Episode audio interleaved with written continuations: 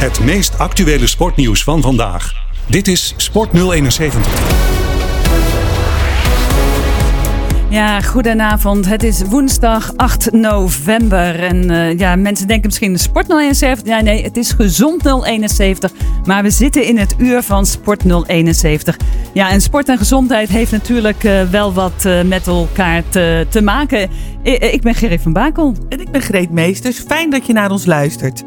Welkom dus bij Gezond 071, het maandelijks programma op Sleutelstad over gezonde leefstijl. We zijn te horen via 99.6 FM. Je kunt ook meekijken via Ziggo kanaal 46 en KPN kanaal 1421. Als je onze app downloadt kun je ons overal mee naartoe nemen. En je kunt alles ook horen en zien en lezen en reageren via onze website sleutelstad.nl. Ja, het onderwerp van vandaag is suicidaliteit onder jongeren. Uh, en hoe dat het gezin, een heel gezin uh, kan beïnvloeden. Ja, dat is wel een heftig uh, thema, maar we hebben ook een positief geluid erbij, toch? Ja, want een van onze gasten heeft een training bedacht voor ouders van wie het kind een poging heeft gedaan tot zelfdoding. En ja, die, die, die training die is, die geeft heel veel hoopvolle resultaten. Ja, een beetje een spoiler alert. Hè? Het helpt echt, eh, dus dat is wel uh, fijn. Bij ons in de studio zijn Katelijn van Dongen, gezins- en systeemtherapeut bij het LUMC Curium. Een van haar uh, ja, oud-patiënten moet ik inmiddels nee, Een van haar jongeren. Net, jongeren, oh, jongeren. Een van haar jongeren, ja. Zoe en haar vader Steven. nou, fijn dat jullie erbij zijn. we gaan even naar muziek en dan gaan we gauw beginnen met Gezond 071. Blijf lekker luisteren. Goedemiddag, dit is Sleutelstad 996. Thuis in de Leidse regio. Welkom bij Sleutelstad. Gezond 071. Gelly van Bakel.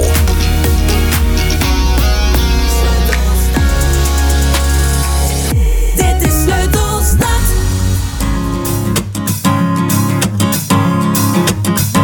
All right. Boots on the ground, heart in the sky. Douwe Bob met This World is Our Home. Ja, This World is Our Home. Douwe Bob. En daarmee trappen we dit uur van Gezond 071 af op woensdag 8 november. Ja, we hebben drie gasten vandaag in de studio. Uh, Katelijne van Dongen, Zoe en haar vader Steven. En uh, we gaan even met ze kennis maken. Katelijne, welkom. Dank Kun je, wel. iets vertellen over jezelf? Uh, kun je jezelf even voorstellen aan ons? Ja, mijn naam is Katelijne van Dongen. Ik ben uh, gezinstherapeut bij LUMC Curium. En uh, ja, daar werk ik al ongeveer 20 jaar. En de afgelopen jaren vooral bezig geweest met dit onderwerp waar we het vandaag over hebben. Suicidaliteit onder jonge mensen. En daar heb ik een oudertraining voor ontwikkeld om ouders beter te ondersteunen die hiermee te maken hebben. En daarnaast werk ik natuurlijk ook met de gezinnen, dus met de broers, zussen en alle belangrijke mensen om het gezin heen. Ja, dankjewel. En uh, Zoe, kun jij kort iets over jezelf vertellen? Ja, uh, ik ben Zoe, ik ben 20 jaar en ik ben ervaringsdeskundige. Ja, super dat je vandaag ook uh, met ons jouw verhaal wil, uh, wil aan ons jouw verhaal wil vertellen als ervaringsdeskundige. Dankjewel. En naast je zit je vaders. Dat Steven, klopt. kun je ook iets over jezelf vertellen? Ja, ik ben uh, Steven Kalkman. Ik ben de vader van Zoe en dus um, uh, ervaringsdeskundige ouder op het gebied van suicidaliteit. En een van de gelukkige ouders die de training van Katelijne mocht volgen.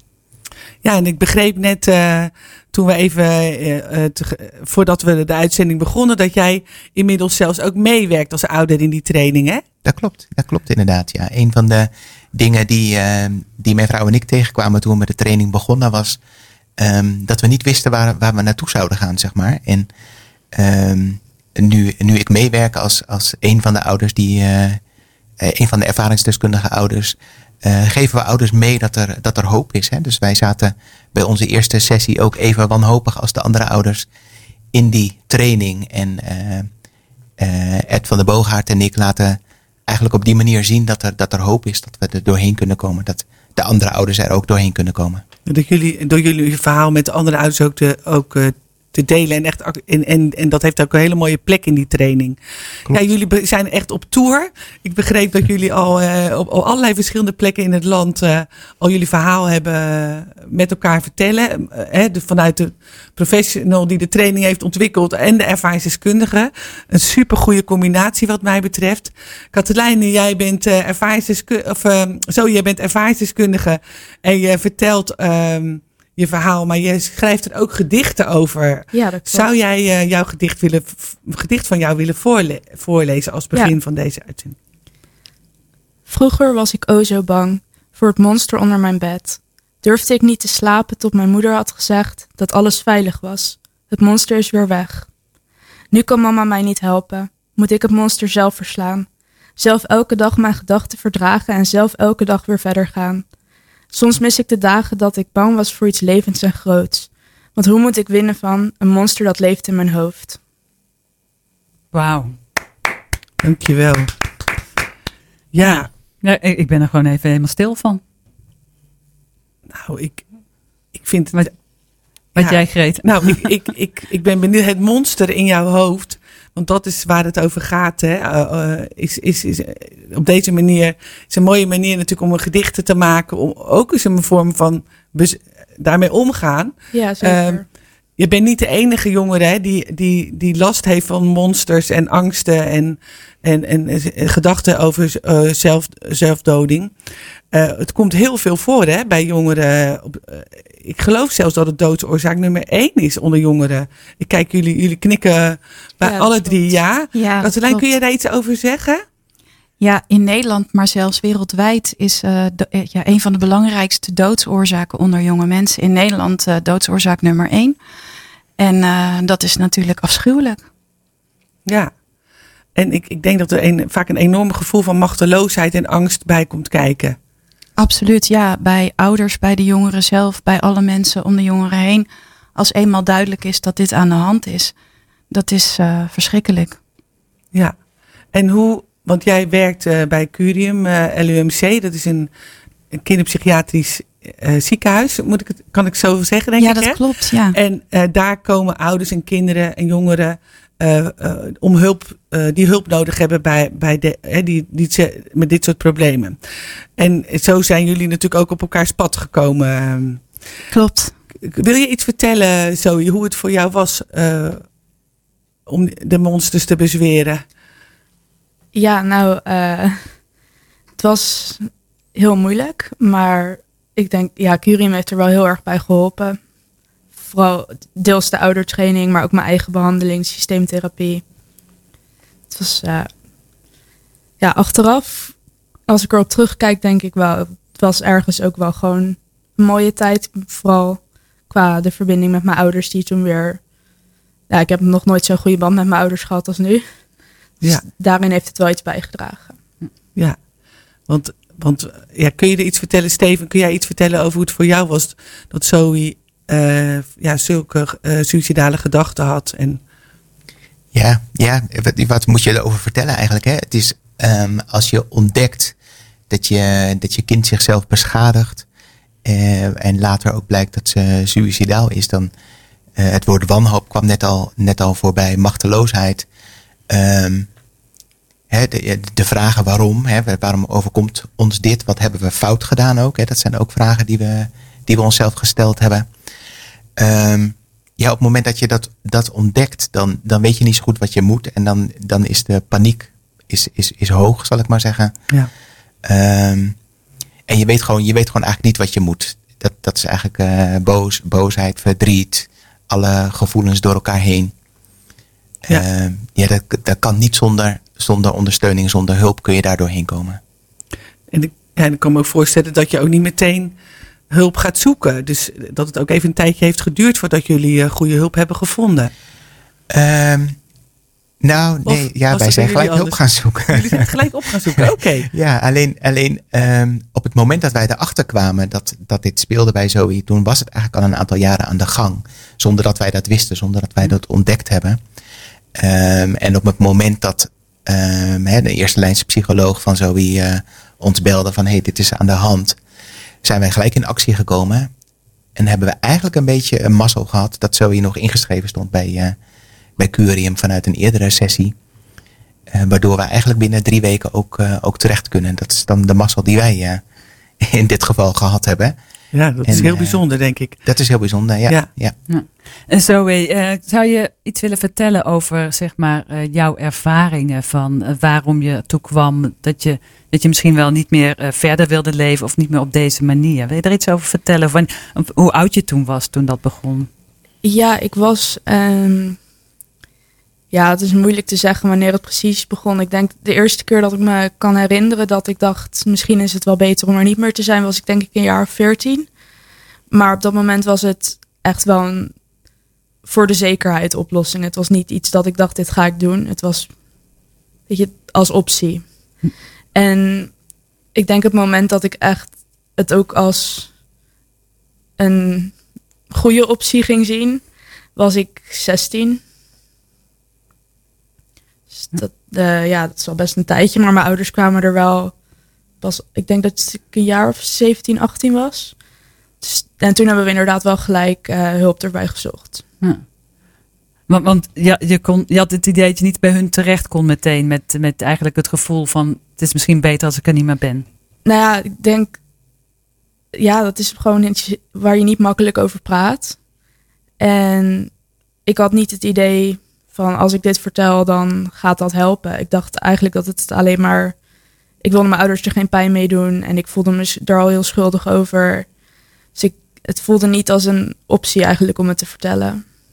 Terwijl ik echt wel wist dat mijn ouders er voor me zijn. Maar het is gewoon niet iets waar je makkelijk even naar je ouders mee gaat. Nee. Ik denk dat heel veel, eh Katelijn, je, knikt ook heel erg in stem. Ja. Dat, ik denk, is het herkenbaar? Hebben veel, ik denk dat veel mensen daar last van hebben. Hè? Jongeren, eh, om te, aan wie ga ik, ga ik dat vertellen, dit soort moeilijke gedachten? En gaat het ook helpen? Ja, dat is precies ook eh, waardoor heel veel jonge mensen dat dus niet doen en er heel lang heel alleen mee blijven rondlopen. Vaak voelen ze zich al heel slecht en schuldig ook over de gevoelens die ze hebben. En denken ze ook, als ik hiermee mijn ouders ga lastigvallen of als ik dit aan iemand vertel, zal iemand in paniek raken of heel erg schrikken. Dat wil ik ze niet aandoen. Ehm, of ze zullen misschien boos op me worden of zeggen dat ik het niet mag doen. Dus er zijn zoveel redenen om het niet te doen, dat, dat jongeren het vaker niet doen, het bespreken met anderen dan wel. En daardoor kan het zo lang voortbestaan, voordat het uiteindelijk dus heel vaak helaas dan misgaat. Dat een jongere zichzelf beschadigt of een, eh, een zelfdodingspoging doet. En als ouders het dan weten, dan, dan natuurlijk gaan ze dan wel meteen eh, kijken of er hulp is. Maar dan kom je vaak op een wachtlijst terecht. Hè, kan je niet meteen altijd passende hulp ook krijgen. Nee, dus, dus dat is wat, dat is waar, wat jij net al zei, Steven. Daar hadden wij de, de, de mazzel. Ja. Dat je al ook snel terecht kon. Want het lijkt me ook lastig om heel lang dan hè, met zo'n gevoel te blijven lopen.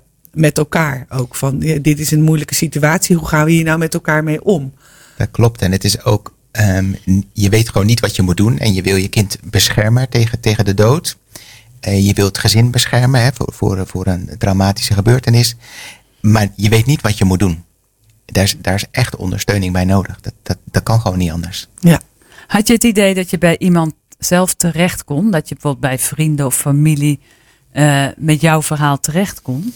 Wij hebben ehm, eigenlijk gelijk na, na een opname tegen Zoe gezegd... dit gaan we straks ook aan de oma's vertellen. Dat gaan we ook aan vrienden vertellen. En ehm, dat vond jij niet zo, niet zo fijn, hè Zoe? Nee, daar was ik niet zo blij mee.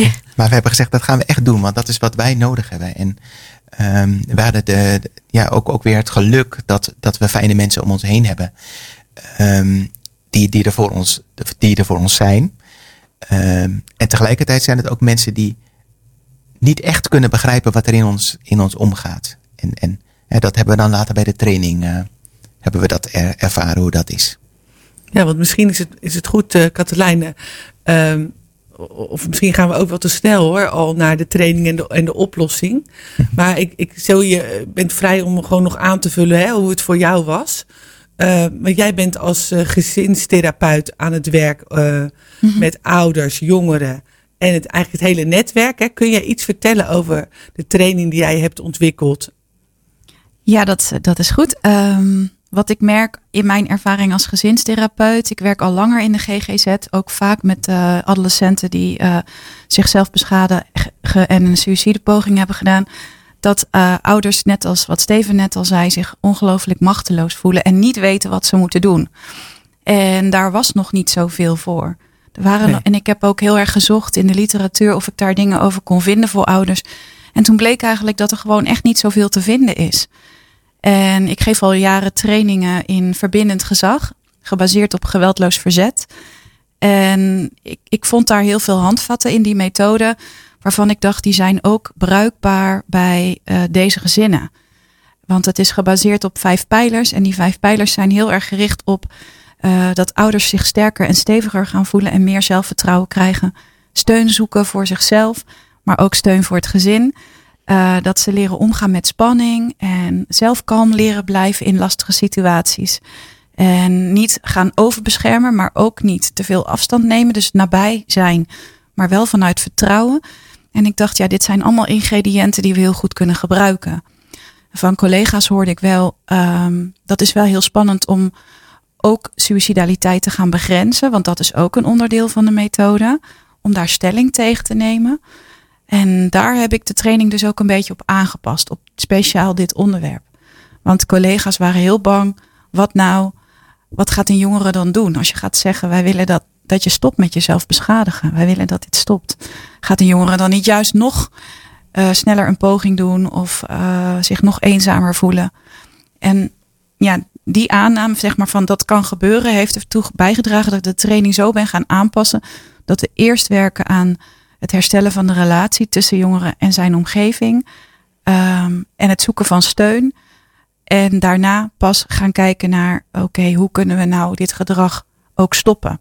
Dus dan moet je het eerst heel erg begrijpen en accepteren. En eigenlijk niet wegmaken. Dus niet zeggen, oh, we gaan meteen naar de oplossing toe. Nee. Maar echt durven stil te staan bij hoe is dat dan voor jou? Hoe voelt dat voor jou? En hoe kunnen we jou steunen? Om van daaruit te werken eigenlijk aan relatieherstel. En uiteindelijk om dan andere oplossingen te vinden voor de zorgen dan uh, niet meer leven. Ja. Ja. ja, want hoe was dat voor jou, Steven? Want ik kan me zo voorstellen dat je als ouder onmiddellijk in de, in de oplossing uh, modus schiet. Zo van, oh, er is iets met mijn kind. En uh, ja, en als ze ziek zijn, dan uh, ga je naar, ren je naar een dokter en dan wil je een pilletje of, of iets anders. Hoe was dat voor jou in dit geval? Uh, ja, nou, wij renden ook naar de psychiater natuurlijk. Maar ehm, ja, het, het, confronterende is eigenlijk hè, dat je heb je hoofdpijn, dan neem je, neem je een pilletje en dan gaat de hoofdpijn weer weg. En dat was natuurlijk in deze situatie is dat, is dat, is dat niet mogelijk. Hè? Medicatie doet iets, maar er is, er is een heel proces nodig. Um, en, en, en wat ik al eerder zei, je, je, bent, gewoon, je bent gewoon in paniek. Um, en op het moment dat je, uh, dat je eigenlijk ziet dat je kind ongelukkig is, dan ja, je, je weet gewoon niet wat je moet doen. Dat is eigenlijk, uh, dat is eigenlijk de, de, de boodschap. En um, uh, het volgen van die, van die oude training, het kunnen gaan volgen van die oude training. Waar we trouwens nog wel even over de streep geholpen moesten worden. Um, door Katelijne. Want, want, we volgden al veel. Zo, volgde, uh, volgde een behandeling um, op Curium, waarbij uh, ook een ouderparticipatie gewenst was. Um, en dan kwam dit er ook nog bij. Wij dachten nou ja, weet je, we zijn nu al zover. Hè, laten, we maar gewoon, uh, laten we maar gewoon doorgaan. Maar ja, ik, we zijn natuurlijk achteraf heel blij dat, dat, dat we die oude training konden volgen. Maar ook toen we startten, dacht ik van ja, uh, vertelde, de komende maanden gaan we hiermee aan de slag. En toen dacht ik, ja, we hebben een crisis. Dat moet gisteren voorbij zijn. En hoe kun jij nou zeggen, hè, ze begrijpt er niks van, heb ik nog gezegd tegen mijn vrouw. uh, hoe kun jij nou zeggen dat we daar de komende maanden mee bezig zijn? Maar ja. goed, ze had wel gelijk, moet ik eerlijk toegeven. Ja, die, ja, oh. die tijd is nodig. Uh, het is niet zomaar opgelost, hè? Zo, jij hebt denk ik ook wel iets gemerkt van, van dat je ouders ook een beetje in paniek waren. Ja, zeker. Ze waren, ja, ik, ik zat natuurlijk heel erg met mezelf en ik was vooral heel erg met mezelf bezig. Ja. Maar zelfs met al mijn eigen dingen erbij had ik echt wel door dat mijn ouders het ook heel moeilijk hadden. En daar heb ik me ook heel lang heel erg schuldig over gevoeld. Maar dat heb ik op, ondertussen wel een beetje los kunnen laten. Ook dankzij bijvoorbeeld de, de training en een net, netwerkavond bij de training. Waarbij eigenlijk iedereen die om mijn ouders heen stond, uh, naar die avond kwam en ik zag hoeveel mensen er eigenlijk zijn die er voor hen zijn en ook voor mij. En daardoor kon ik wel een beetje loslaten van oké, zij krijgen ook, ze hebben ook steun, zij krijgen ook hulp. Hm. Maar ik zag echt wel dat ze het heel moeilijk hadden. Ja. Ja, en in die beginperiode van die, van die paniek, zeg maar, dan. ehm om de, en de Katelijne noemde net al het woord overbeschermen. Dat was ook wat mijn vrouw en ik deden. En ik meer dan mijn vrouw. Ja, vooral jij. Ja. Ehm, even dat, dat varieerde van, van de deur op slot doen. En je gaat niet naar buiten tot, tot, tot letterlijk bovenop zo gaan zitten. Om ervoor te zorgen dat ze zichzelf niet beschadigde of weg zou lopen. En ehm, ja, daar is gewoon echt tijd voor nodig om, om ook vertrouwen in te krijgen dat, dat het verbinden, zeg maar, en ehm, het vertrouwen terugkrijgen in elkaar, dat dat, dat, dat, ehm, dat dat tot een goed resultaat zal leiden, zeg maar. Ja. Ja. Je durfde er misschien eigenlijk niet uit je oog te verliezen. Nee, dat klopt. Ja. Ja. ja, we hebben een, een app geïnstalleerd dat we altijd konden zien waar ze was. Dat hielp niet, hè? Want Nee, die ging gewoon uit. Dan, Ja. De locatie kan je uitzetten. Ja, dus dat is echt een zo, eh, overlevingsgedrag. Hè? Denk van eh, gewoon willen controleren, willen invloed uitoefenen. En, nou, ja. en, Ja. en dat, is het, dat doen alle ouders. Denk, ik. je gaat dingen proberen en waarvan je ook, eh, ook niet eens meer goed kan bedenken. Op zo'n moment denk ik dat het niet gaat werken. Nee. En daar heb je echt even zo'n, daar heb je natuurlijk echt be- begeleiding voor nodig van, eh, van anderen. Ja. We gaan even, denk ik. eh, ga, ik dacht dat we al toe waren aan een muziekje of aan een. Ja, dat kan. We gaan gewoon eh, wat eerder eh, naar. We gaan de muziek, we gaan naar het regionieuws. En dan gaan we verder praten met Zoe, haar vader Steven. En Katelijne van Dongen van eh LNMC Curium. Ja, over, ja, over vooral de dingen die jullie echt geholpen hebben om die verandering ook te kunnen maken met elkaar. En wat er verder nog allemaal ter tafel komt. Zeker. Eh, het nummer wat we gaan draaien is van 21 Pilots. Het heet Stressed Out. 996.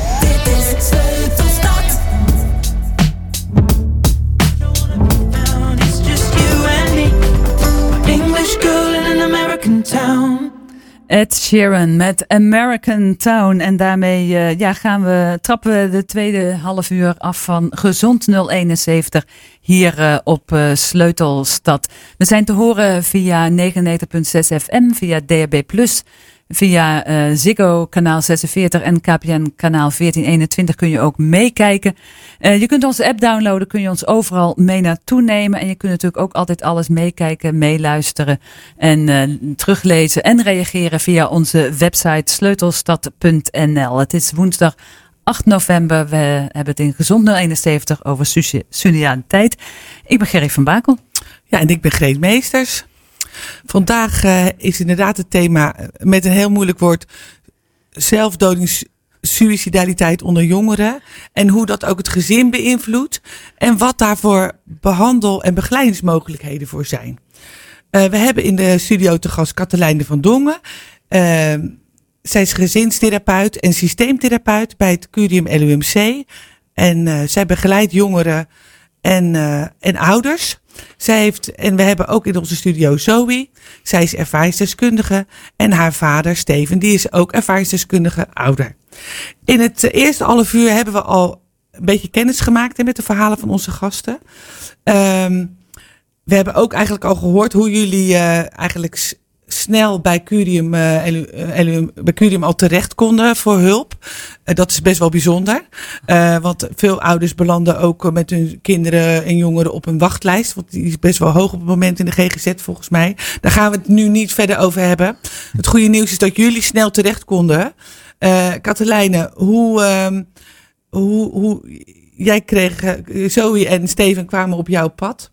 En jij vertelde, je hebt een oudertraining ontwikkeld voor ouders eh, die te maken hebben in hun gezin met een, met een kind met suicidaliteit. Eh, Kun je iets meer vertellen nog over hoe die training in elkaar zit? En vooral misschien een aantal praktische voorbeelden noemen van wat mensen tegenkomen. Ja, eh, de training is eigenlijk een, bij, een training van twaalf keer dat ouders bij elkaar samenkomen, verspreid over drie maanden, dus wekelijks. En ehm, ouders leren dan weer contact te maken met hun kind. Eh, vaak zegt de jongere die zich heel somber voelt en heel, eh, ja, heel slecht. eh, ga maar weg of laat mij maar alleen. Heel veel jongeren trekken zich terug op hun kamer komen nog weinig in de huiskamer, trekken zich soms ook terug uit het dagelijks leven.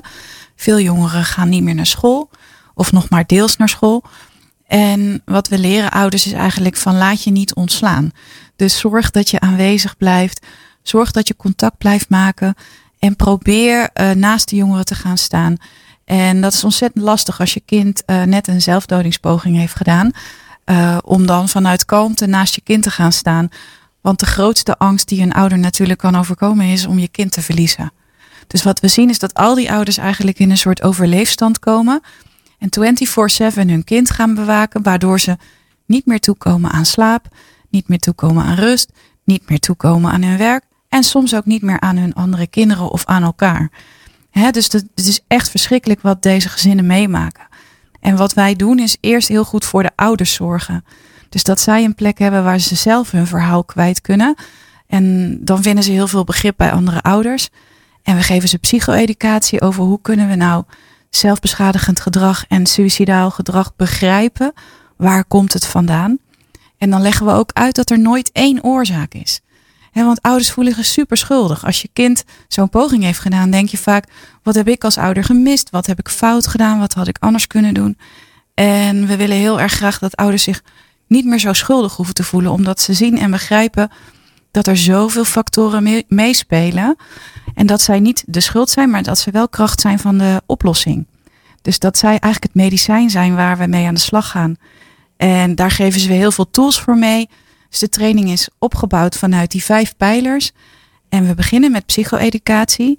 En tegenwoordig zijn Steven en Ed, de andere vader, dan ervaringsdeskundige ouder die meelopen. En die vertellen dan ook hun verhaal aan de andere ouders, waardoor zij ook weer wat gevoel krijgen van jeetje, het kan ook goed komen. Hm. En ja, we werken dan langzaam toe naar het punt dat we ook gaan zeggen uh, dat, de, dat de zelfbeschadiging moet stoppen. Maar dat noemen we liefdevol begrenzen vanuit verbinding. Dus niet van jij hebt het fout gedaan, jij doet iets verkeerd, jij moet stoppen. Maar veel meer vanuit begrip en vanuit samenwerking en vanuit verbinding. Uh, wij willen jou niet missen. Dat is hm. eigenlijk de boodschap die ouders dan geven aan hun kind. En die schrijven ze op in een brief. En in de training oefenen we daar dan ook mee. Nou, oké. Okay. Wauw. Dat is inderdaad wel echt een heel, pakket zo. Van, ja. Als ik heel even terug mag naar het begin, want daar ben ik dan wel benieuwd van, uh, Steven, hoe jij daarop reageert. Uh, Katelijn zegt zo, ja, we willen het eigenlijk eerst voor de ouders wat doen. Terwijl ik kan me voorstellen dat jij denkt als ouder, uh, ja, maar het gaat om mijn kind. Ja, dat is natuurlijk ook zo. Maar uh, Zoe was al onder behandeling. En dit, was, dit kwam daarbij, zeg maar, voor ons. Dus het klopt dat wij zoiets hadden van, hè, Zoe moet geholpen worden.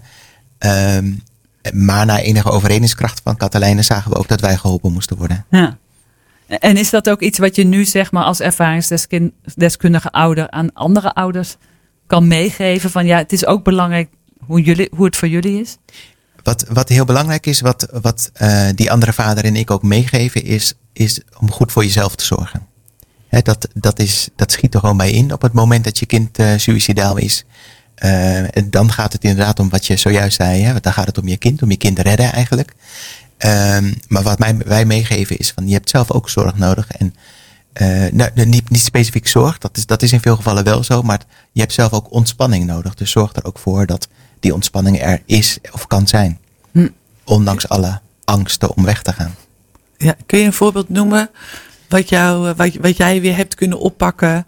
Of wat misschien niet meer lukte?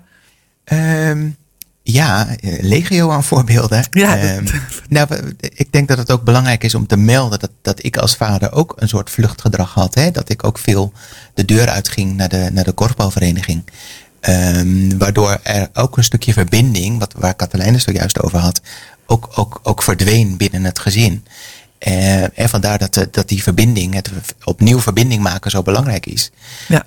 Um, hè, maar binnen bepaalde uh, grenzen, zeg maar, is het heel goed om wel dat soort dingen ook voor jezelf te gaan doen. Ja. Hè, zo heb ik een, uh, een, een vriend, een collega, die tegen mij heeft gezegd: Ja, ik, ik wil dat je regelmatig met mij even op een tras gaat zitten met een biertje. Een andere collega, die, hè, haar motto is altijd: drink je wel genoeg? Hè? uh, die gaat dan ook, daar gaat dan ook vaak, vaak mee. Vrienden van ons die zeggen: joh, kom even langs.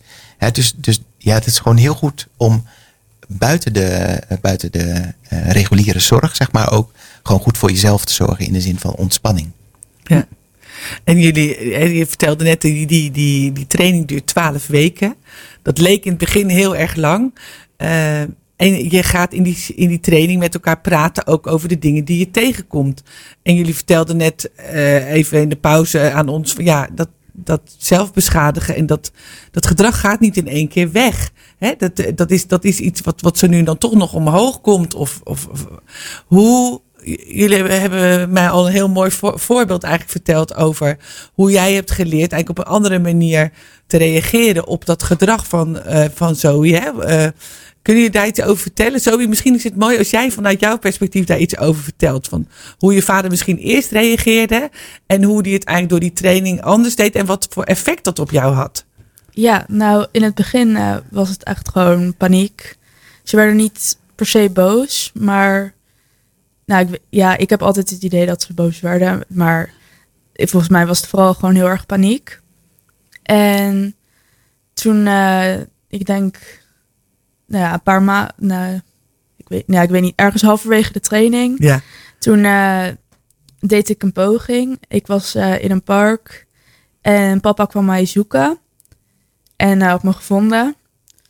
En hij raakte eigenlijk helemaal niet in paniek. Hij kwam gewoon rustig naast me zitten. Ik heb geen idee hoe lang we daar hebben gezeten. Maar uiteindelijk werd ik ook weer rustig. En liep ik gewoon met hem mee naar huis. Ben ik meegegaan naar het ziekenhuis. Terwijl als hij in paniek was geraakt, dan was mijn paniek ook alleen maar erger geworden. Was ik gewoon weggegaan. Was, ik, was het eigenlijk allemaal alleen maar erger geworden. Dus ik denk dat het wel heel belangrijk was dat hij zo, zo rustig kon blijven. Ik weet ook niet of hij echt rustig was, maar ik kwam in ieder geval heel rustig over. Ja, dat is, een, dat is een mooi voorbeeld. Ook om een andere nieuwe ervaring eigenlijk op te doen op die manier. Een ander belangrijk ingrediënt is eh, dat je een brief hebt gekregen hè, van je ouders. Ja, dat klopt. En, van een, en nog van meer mensen begrijpen. Kun je daar iets over vertellen? Ja, ehm, ja dat is de aankondigingsbrief. Ehm, ja, ik, eh, volgens mij, ja, Katelijne kan misschien beter vertellen wat die brief precies inhoudt. ja, dat maar, mag, eh, ze zo doen. Ehm, ik, eh, in, mijn ouders hebben in die brief geschreven hoeveel ze van me houden, hoeveel vertrouwen ze in me hebben, dat ze trots op me zijn, eh, dat ze spijt dat ze niet eerder hebben gezien dat het niet goed met me ging, of dat ze er niet eerder iets mee hebben gedaan. En die brief was voor mij wel echt een heel belangrijk moment. Want kijk, ik weet wel dat mijn ouders van me houden, maar om het zo op papier te zien, dat, was, dat maakt het een soort officieel. Weet je, dat, dat een brief blijft. En die, hij hangt ook nog steeds in mijn kamer op een prikbord. En eh, ik kijk er ook af en toe nog wel naar als ik me dan even niet goed voel. En of even niet die motivatie heb, dan kijk ik naar die brief en dan denk ik, oh ja, mijn ouders hebben vertrouwen in mij. En natuurlijk moet je het uiteindelijk voor jezelf doen, maar ik denk dat het ook best wel heel erg kan helpen als je weet dat je ouders achter je staan. Ja, zeker. En Katelijn, dat, dit is vaak een omslagpunt hè, in, de, in de training. Dat klopt, ja. Ja, je, zo, je legt het zo mooi uit. Ik ben elke keer weer geraakt als ze dat zo vertelt, hoe belangrijk het voor haar is. Ja, en het klopt. eh, de brief, de aankondigingsbrief, zoals je het zelf eigenlijk al heel mooi zei, is best wel een belangrijk moment in de training. Waarbij ouders inderdaad eh, vertellen hoe waardevol de jongere is. En hele persoonlijke dingen ook vertellen over de jongeren die ze eh, heel erg waarderen en die ze mooi vinden. Maar het is ook een moment waarop ze eigenlijk eh, sorry zeggen voor de dingen waarvan ze zelf denken. Jeetje, die, die vinden we ook wel jammer dat wij die toen niet gezien hebben of niet wisten.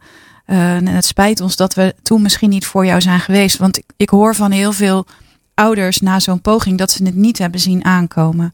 En dat ze dus eigenlijk spijt van hebben dat de jongere heel lang zich heel alleen heeft gevoeld. En ook al kan je er dus niks aan doen omdat je het niet wist, kan je nog steeds wel uh, het heel jammer vinden dat je het niet wist. Ja. En daar dan ook uh, een gebaar in maken. En uh, ja, in de, in de oudergroep zien we dus ook op het moment dat ouders die brief gaan voorlezen aan hun kind, dat er echt iets verandert. Want ouders nemen eigenlijk daarmee een stukje ouderlijke verantwoordelijkheid. Halen daarbij soms ook een stukje schuldgevoel bij de jongeren weg. Van dit is jou niet in je eentje overkomen, wij zijn hier samen. En wij zijn hier ook samen in terechtgekomen. Wij komen hier ook samen weer uit. Dus het is een heel hoopvolle brief. En ik vind dat heel mooi. En mijn ervaring is dan ook dat heel veel jongeren na die brief stoppen met zelfbeschadigend gedrag. En ook stoppen met het doen van eh, zelfdodingspogingen. Wauw. Ja. Eh, Ik hoor nu dat, je, dat jullie hebben hem ook voorgelezen, dus eh, Steven. Kun, kun je daar iets over zeggen? Hoe was dat? Om, ja, zo'n brief schrijven lijkt me nog één ding, maar om hem dan ook voor te lezen in zo'n groep, dat lijkt me wel echt heel heftig.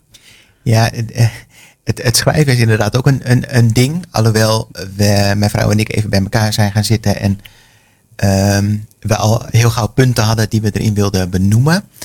Ehm, het voorlezen is inderdaad wel de, de bedoeling. En dat is niet in de groep hoor, dat is eh, eh, aan je kind zelf.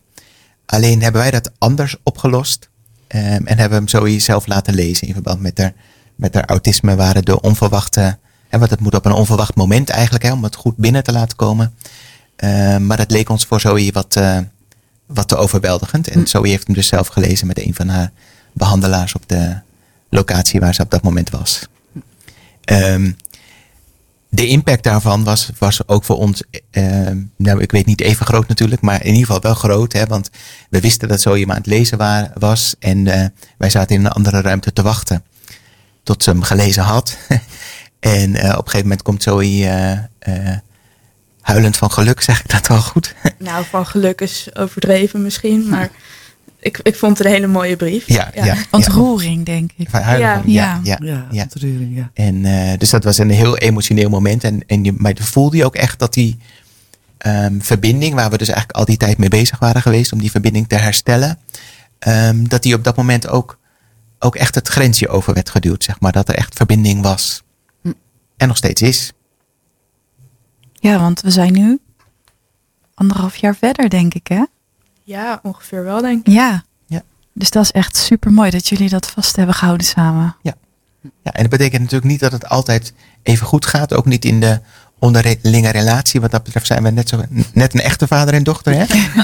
net zoals alle anderen. Hè, dus daar, daar, daar is natuurlijk altijd wel wat. Maar nu is er wel het vertrouwen dat dat niet leidt tot, eh, tot een escalatie. En, en je vertelde straks ook, eh, Zoe, dat je nu eh, op jezelf eh, woont. Ja, met begeleiding wel, maar Nou, ja, maar niet meer bij je ouders thuis. Nee. Dus hoe, hoe was dat om die stap te zetten? ja, ik vond het eigenlijk, volgens mij vonden mijn ouders het erger dan ik. Ik vond het, ik vond het wel spannend, maar ik vond het eigenlijk heel leuk. Vooral gewoon, het was vooral heel fijn. Ik denk ook dat het juist wel bijdraagt aan die verbinding. Met mijn ouders was de band sowieso wel goed, maar ik denk vooral met mijn broertje ook. Dat het niet bij elkaar in huis wonen wel heel erg bijdraagt.